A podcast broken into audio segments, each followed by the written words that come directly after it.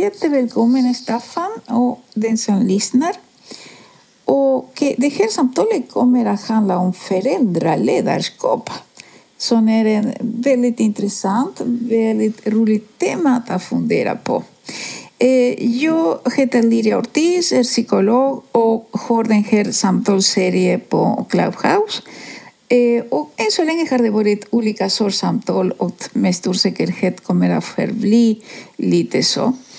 Eh, och jag tycker att Clubhouse är en otroligt spännande och fin plattform för att det är väldigt, väldigt enkelt.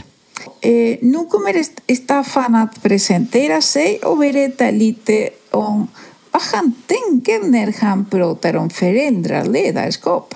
Välkommen ja. Staffan! Ja, eh, tack. Hedersamt. Jag har ju många, under många år arbetat både med barn och ungdomar och föräldrar både i skolans situation och i andra situationer. Och, eh, eh det här med att leda barn i utveckling är något speciellt och ibland kopplat till uppfostran. Det finns en, eh, en viss skillnad då mellan eh, ledarskap på arbetsplatser och ledarskap i föräldraskapet. Och barn och ungdomar behöver ju lära sig någonting från sina föräldrar som förhoppningsvis ska leda dem framåt i livet. Till exempel att utveckla sin empatiska förmåga. Det vill säga att gå från jaget till vi och till att börja förstå omgivningen. Att förstå konsekvenser av sitt agerande är också en lång resa.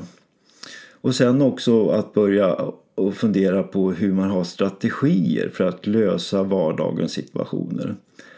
Och det där är ett ledarskap då som är väldigt barn och ungdomsinriktat som kan vara stort intresse av att, att tillämpa och prova med sina barn. Det vanliga är ju att man talar om och förklarar för barn vad som gäller och hur man ska göra här i livet. Och men just att träna upp deras logiska tänkande att eh, förstå livet runt omkring dem för att kunna hantera det. Det är en utmaning. Så. Så det är några första tankar om grundprinciperna då.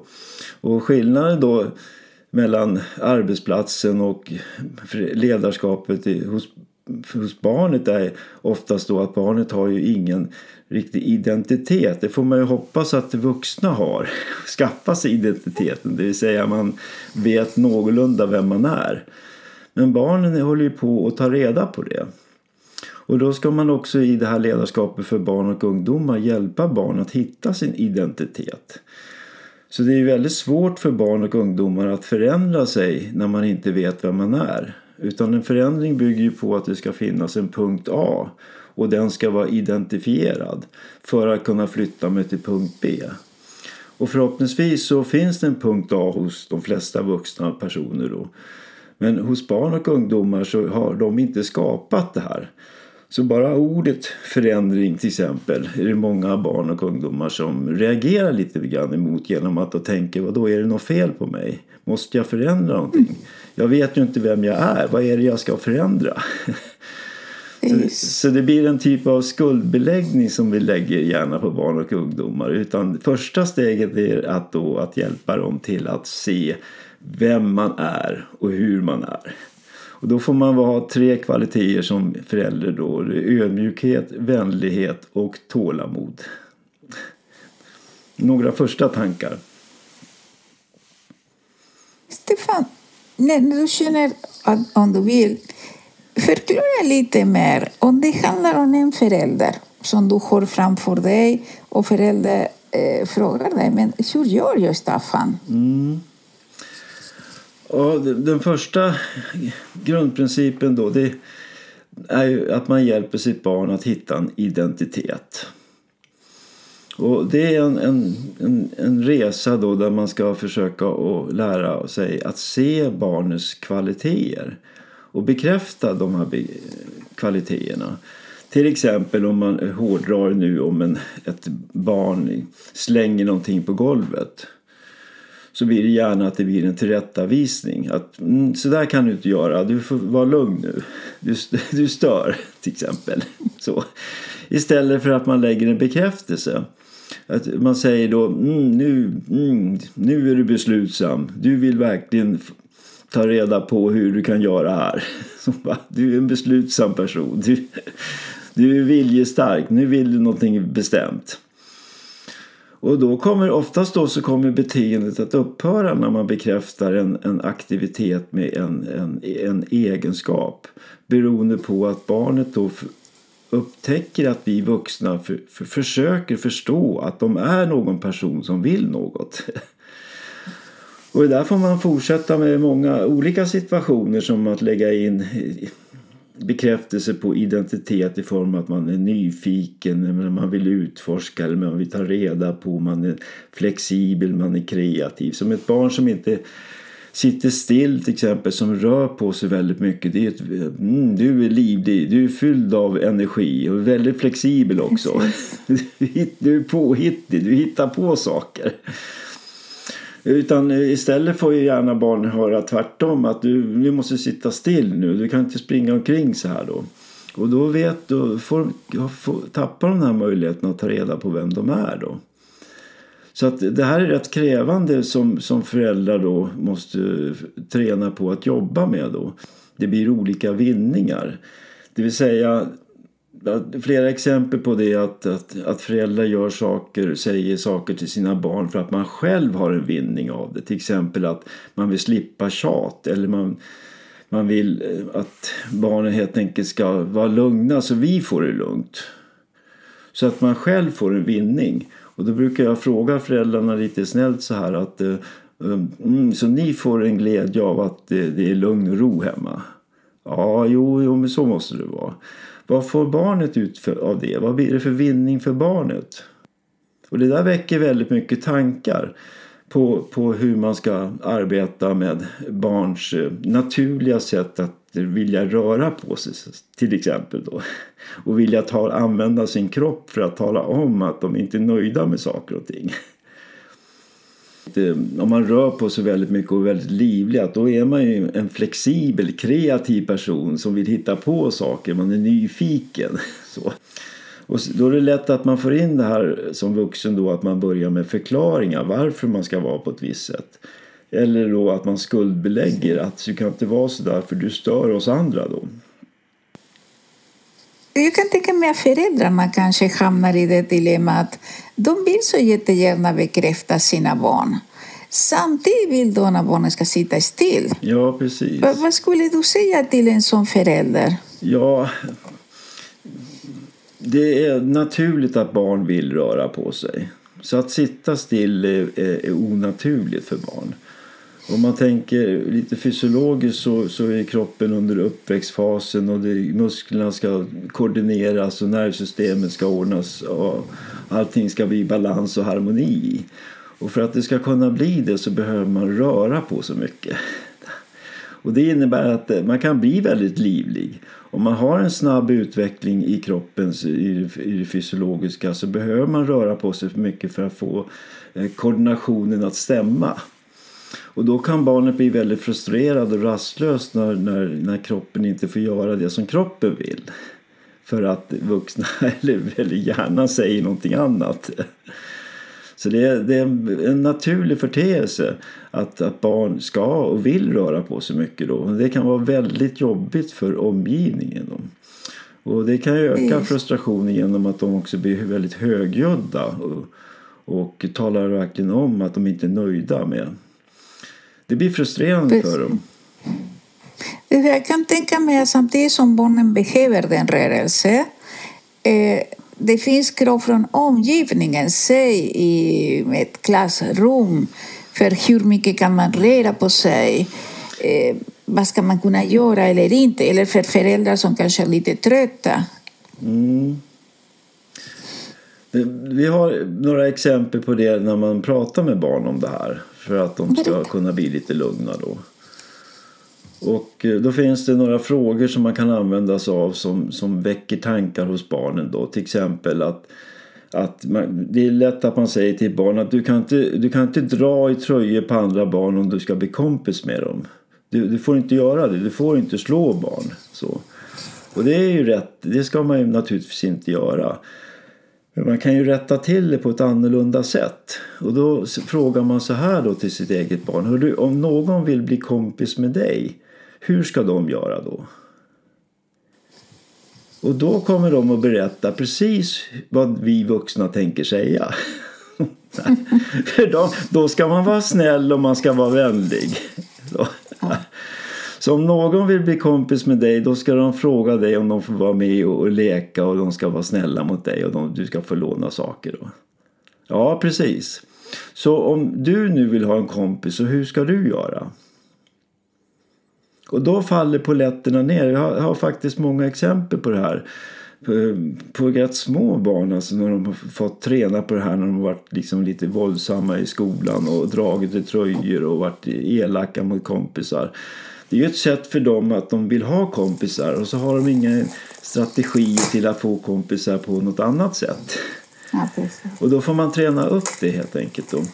Och då kommer vi till den här stora eh, frågan då, det vill säga att, att barn behöver då lära sig eh, konsekvenser av sitt, sina handlingar.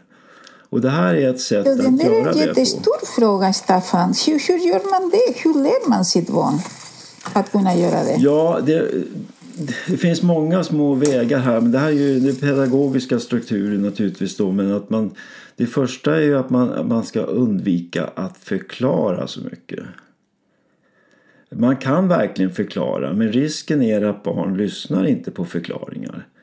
För de är inte delaktiga i förklaringen. Då. Så att det man ska försöka göra är att man helt enkelt eh, frågar och pratar med barnet om konsekvenser. Hör du, om du nu gör så här då, hur blir det då? Hörru, nu när, när, nästa gång fröken kommer att säga till dig att du ska sitta still, hur ska du göra då? Så man, personen får också använda eh, hjärnan och utveckla det logiska tänkandet. Hjärnan är ju precis som en muskel, den behöver tränas. Och, och, då behöver man träna det genom att man får rätt svåra frågor. Och du, nästa gång en kompis vill att du att, drar dig i tröjan, hur ska du göra då? Och sen om de inte kan svara då utan de behöver fundera på det så, så hjälper man barnet med strategier. Ja, man kan göra på lite olika sätt. Om jag hade varit i din ålder, nu är inte jag sex år, men om jag hade varit sex år så brukar jag inleda så. Det tycker de är rätt roligt. Ja, jag kan tänka mig. Ja, du kan ju inte vara sex år. Det går ju inte, tänker de börjar skratta då. Men om jag hade varit sex år så tror jag nog att jag skulle frågat fröken hur jag skulle göra. Eller så skulle jag prata med den, den här kompisen då om, om han skulle vilja leka med mig någon eftermiddag. Vad, vad säger du om det? Det vill säga nu, nu hjälper jag till med strategier och då har man en två, tre, fyra strategier som man presenterar. Genom att man sätter på sig barnets överrock, det vill säga nu är jag fem år. Så inte jag säger nästa gång du ska ha en kompis ska du göra så här. För då, då tar jag över och ger order. Då. Då, då tar jag över den här förmågan att de själva ska komma till slutsatser. Så grundprincipen är att de själva alltid ska ta slutsatser av, av förutsättningarna som vi föräldrar levererar. Så de får en massa valmöjligheter och det där är ju väldigt jobbigt naturligtvis för barn. För då får man ju också ta ansvar för sina handlingar. Eh, ett roligt exempel på det här med konsekvenser så är ett exempel om man, om man åker bil en sommar. Så. Och så sitter det två barn i baksätet och så säger de plötsligt att de ska vill ha glass.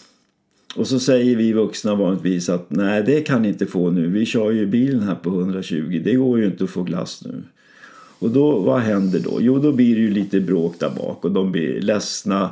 Och troligtvis kommer de att säga att mamma och pappa fattar ingenting. Och det gör vi verkligen inte. Utan man gör på följande sätt då. Om, för nu är det en situation där man kan träna barn att tänka i konsekvenser. Man bekräftar dem först. Ni vill verkligen ha glass. Och nu blir de ju väldigt fundersamma när man säger så. Utan nu börjar de undra då hur ska det gå till? Hur ska det gå till? Och så tittar de ut genom fönstret och så tittar de upp i taket i bilen. De förstår liksom ingenting. Och då kom, går man in igen så här, ni ser fundersamma ut. Ja, hur blir det med glassen? Ja, men tack för att du frågar. tack för att du frågar. Nu kör vi här på motorvägen och så kommer vi, ska vi vara hos farmor nu klockan ett och, och, och om 20 minuter så kör vi förbi en bensinmack och det är inte säkert vi har tid att stanna och eh, dessutom kanske inte finns glass. Och man vet aldrig vad farmor kommer bjuda på efterrätt. Klockan ett ska vi vara hos farmor. Man presenterar konsekvensen av att vi kör i en bil. Mm. Jaha, säger de då, så vi får ingen glass nu? Nej, precis säger man. och då har de lärt sig det att, att, att det blir en konsekvens av att sitta och åka en bil och vara på väg till ett möte. och det här gör man bara två, tre gånger med egna barn och sen kommer ju de aldrig att fråga det där något mer. Kan vi få glass? Men däremot så kommer de att lära sig strategier. Till exempel som den här lilla killen sa till sin pappa som gjorde så här. Så säger den här lilla killen till sin far så här. Hörru pappa, om du skulle vilja ha en glass, vad skulle du tycka om då i så fall? och han går rakt in i fällan då pappan och säger ja en sån här 88 det åt vi på min tid, det var gott. Ja det låter ju trevligt, det, det, det kan du få om vi stannar så kanske jag kan få en topphatt då. det vill säga man lär barn att förhandla och kompromissa. Och det är ju väldigt viktiga strategier i en vuxenvärld och även i skolan. Och ett annat dilemma som dyker upp då med förhandlingar och kompromissa det är ju rättvist. Barn vill gärna att det ska vara rättvist. Och det där är ju väldigt svårt för föräldrar att hantera.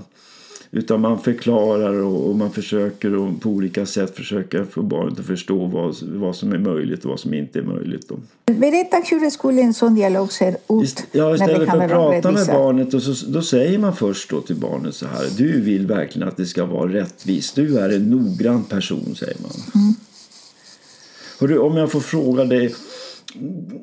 Om det nu inte blir som du vill att det ska bli, hur gör du då?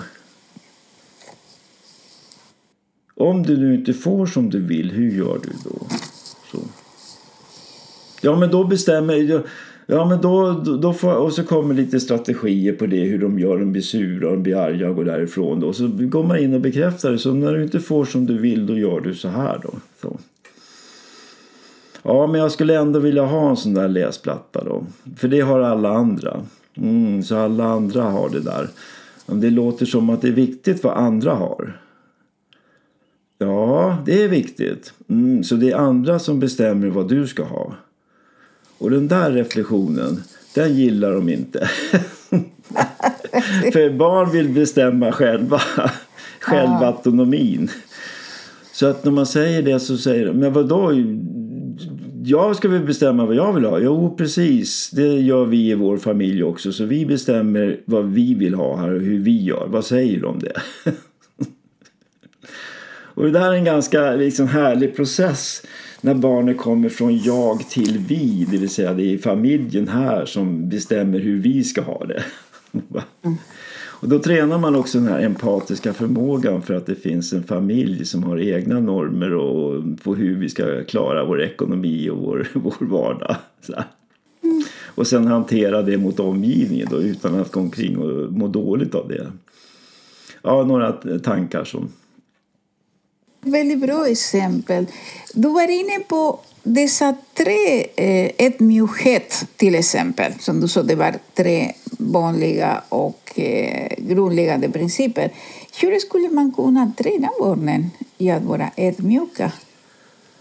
Ja, generellt så har jag brukar säga så här hårdra lite grann att barn över hela världen föds som små empatiska varelser. Så så de är väldigt snälla från början. Men däremot då så blir de ju präglade av sin omgivning. Så det vi vuxna gör runt omkring barnen då gör ju att de kommer att bli präglade på olika sätt. Då. Och det här med ödmjukheten är, finns det ändå en god jordmån för i och med att barn har en stor empatisk känsla för sina föräldrar till exempel. Då. Och man har en stor empati för föräldrar. Man, man vill räcka till, man vill duga, man vill vara bra och man vill att föräldrarna ska vara nöjda med det jag gör. Då. Och då kan man ju använda det utan att skuldbelägga barnet. Då. Utan man, man ber barnet om mycket hjälp helt enkelt i olika frågor och funderingar då. Att de får hjälpa till och känna sig behövda där hemma. Och då blir barnet oftast mycket lugnare och får öka sin uthållighet då, om de får använda sin empati. Då.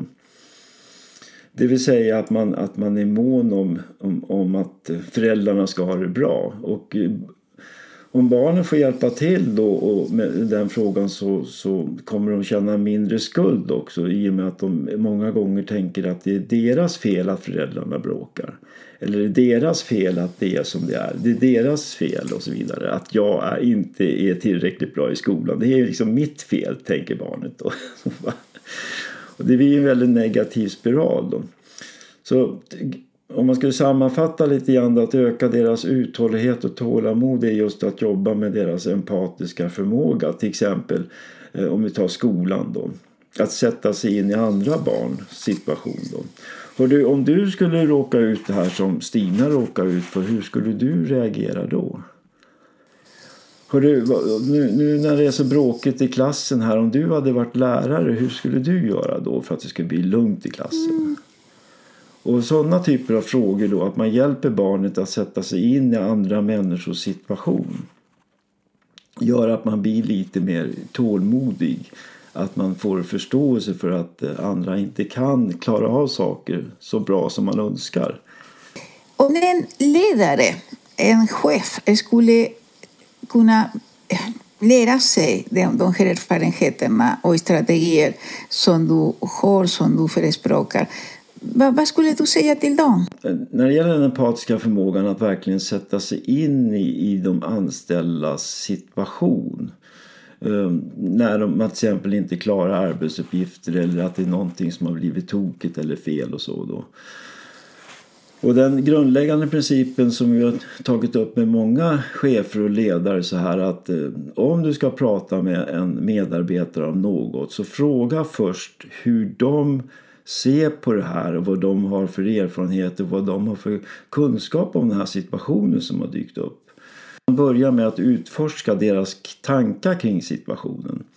Och sen gör man en sammanfattning på det och sen kan man komplettera. Då ökar också mottagligheten för att hitta en lösning tillsammans när man börjar med att lyssna på medarbetaren istället för att börja med att tala om för medarbetaren vad som gäller. Då. Och då tränar man ju på sin empatiska framtoning. Jag tänker också på dessa situationer att om man frågar en medarbetare och medarbetare säger men allt är jättebra. Om man som chef tänker ja, så jättebra är det inte. Eh, hur skulle man kunna göra? Skulle man också börja med att fråga hur medarbetare ser på det? Mm. Ja, man, det finns ju många olika ingångar men en ingång är ju framförallt att man frågar hur du, om någon annan skulle ha varit i samma situation som du har hamnat i nu då, vad skulle dina tankar vara om det? Hur skulle du säga då? Så man liksom lyfter det till en, ett större perspektiv då. När är det lättare att landa i sin egen situation? Är det så du menar? Ja, att man också kan... För det oftast blir det oftast när man lyfter det till en annan situation så blir det mer tydligt för mottagaren att, eh, att det är ett problem till exempel. Då. Men om man eh, får det på sig själv att jag gör någonting fel och sådär då går, går man lätt in i försvar. Då. Så. Precis. så att det blir lite enklare att prata om det. För jag menar att som, som förälder har andra, vad ska man säga, fyller andra funktioner, eh, det man säger. Man vill träna upp sitt barn. Som chef ibland har jag hört att cheferna kan tänka men det kan inte vara det som är min roll. Jag måste säga till. Ja. Vad skulle du säga till en sån chef? Sån människor som säger så? Ja, vi, vi brukar rekommendera just det här talesättet då som ibland förvanskat som brukar kallas för jagbudskapet. Det vill säga att man beskriver en händelse. Och sen efter det så talar man om lite grann att hur, man, hur vi ur ledarskapet ser på den här händelsen. Och sen frågar man den andra personen hur ser du på den här händelsen? Det vill säga att man frigör personen från skuld genom det då. I eftermiddag när vi kom hem från jobbet båda två så, så, så trodde vi att vi, någon av oss skulle handla då. Och jag vart ju väldigt arg och, och, av det här och mådde väldigt dåligt av det här. Hur var det här för dig? Och då kan man ju få två svar. Antingen att ja, men jag blev också arg. Jag mådde också dåligt. Och den andra, eller det andra svaret, jaha, men det tänkte inte jag på. Ja, men tack för att du berättar, oavsett vad personen säger. Så hur gör vi nu nästa gång? Och det där är en väldigt bra eh, konsekvenshandling även gentemot barn då. Att förra gången vi var och handlade i butiken här så vart vi, du ledsen när du inte fick godis och jag blev arg och vi började bråka. Ja, precis. Så hur gör vi nu idag när vi ska gå in och handla? Så man förebygger helt enkelt. Mm. Och det, det, brukar hjälpa rätt bra. Och så just att man frigör då mottagaren från skuld. Utan vi ser fram emot hur vi går vidare, tar nästa steg. För att din resonemang innebär att båda två tar ansvar på sin nivå, men man gör det. Ja, utan att skuldbelägga varandra. För det är lätt att säga att det var ditt fel eller att det var du som gjorde så här. Eller som man kan säga då som vuxen ibland att när du gör så här så blir pappa eller mamma ledsen. Och det blir ju en väldig skuldbeläggning för barnet. Barnet vill ju de vuxna väl. Och då får de höra att det är deras fel att mamma eller pappa blir ledsna. Då. Och då, det blir jättejobbigt för dem. Utan man säger samma sak utan att, att koppla in det. Utan man säger bara att och du sist när vi skulle städa så började vi bråka och det, det vart ju jättejobbigt. Vi vart ju, tyckte att det här var jättejobbigt och sådär. Och så hur ska vi göra nu i, på, i, idag när vi ska städa? Så. Och då bjuder man in barnen till att hjälpa till också. Då. Att lösa det här då. Och då känner de sig väldigt viktiga och behövda. Då. Precis. Staffan, för att börja avrunda, berätta ja, vad mer skulle du vilja lägga till? Ja, det är en sak som jag skulle vilja ta upp som kortfattat med en liten liknelse då och det är det jag kallar på minuten. Det vill säga, det finns en minut i de flesta ungdomars liv som är otroligt viktig. Eh, när barnen växer upp så ska de öka sin kontroll. Och vi vuxna ska hjälpa dem att få kontroll. Och det gör ju det att de sakta men säkert växer i huset då och till slut så lägger de beslag på hela sitt rum då med massa med prylar och allting då. Och då har vi sprungit ut och in i det där rummet i 11 år kanske. Utan att knacka på dörren en enda gång. Och så plötsligt när man springer in i det där rummet så säger barnet då Vad gör du här? Vad då gör här? Ja, vad gör du i mitt rum? Ja, men jag går väl vad jag vill. Det är ju vi som bor här så att det ska du inte komma här och då, får, då, då kommer man att få problem. Om man säger så. för då kommer det här barnet inte visa någon respekt för alla andra utrymmen i huset eller i lägenheten. Utan det kommer att ligga grejer överallt och det kommer bli mycket konflikter.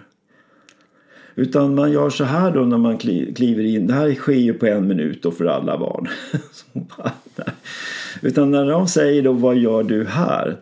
Då säger man oj, ja nu blev det fel. Jag får gå ut igen och så får jag knacka. Ja det får du minsann göra. och det kan dröja en tre veckor innan man får komma in.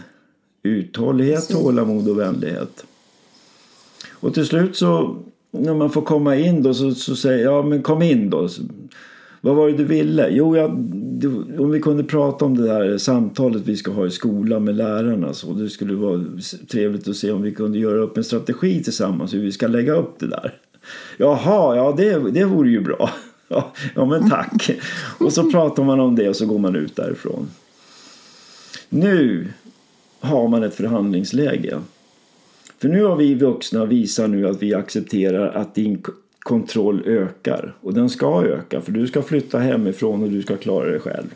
Nu har du fått kontroll på ditt rum här. Det innebär då att när den här personen kliver ut från rummet då kliver han ju rakt in i våra kontrollutrymmen. Nu har vi någonting att förhandla om. Om det sker saker i köket eller vad det kan vara i hallen. Och du, om jag minns rätt nu då så vi, vi, vi respekterar ju verkligen ditt rum här och vi knackar på och vi um, ser till att vi inte stör dig och så vidare. Ja, ja precis, det gör ni bra. Och samtidigt nu i köket nu så är det ju vi som bestämmer hur det ska vara där. Hur ser du på det? Jaha. Då börjar man lära barnet då att man ska kompromissa och förhandla om saker och ting. Då. Och då får man en ganska god resa om man gör det här rätt när det inträffar. Sånt där.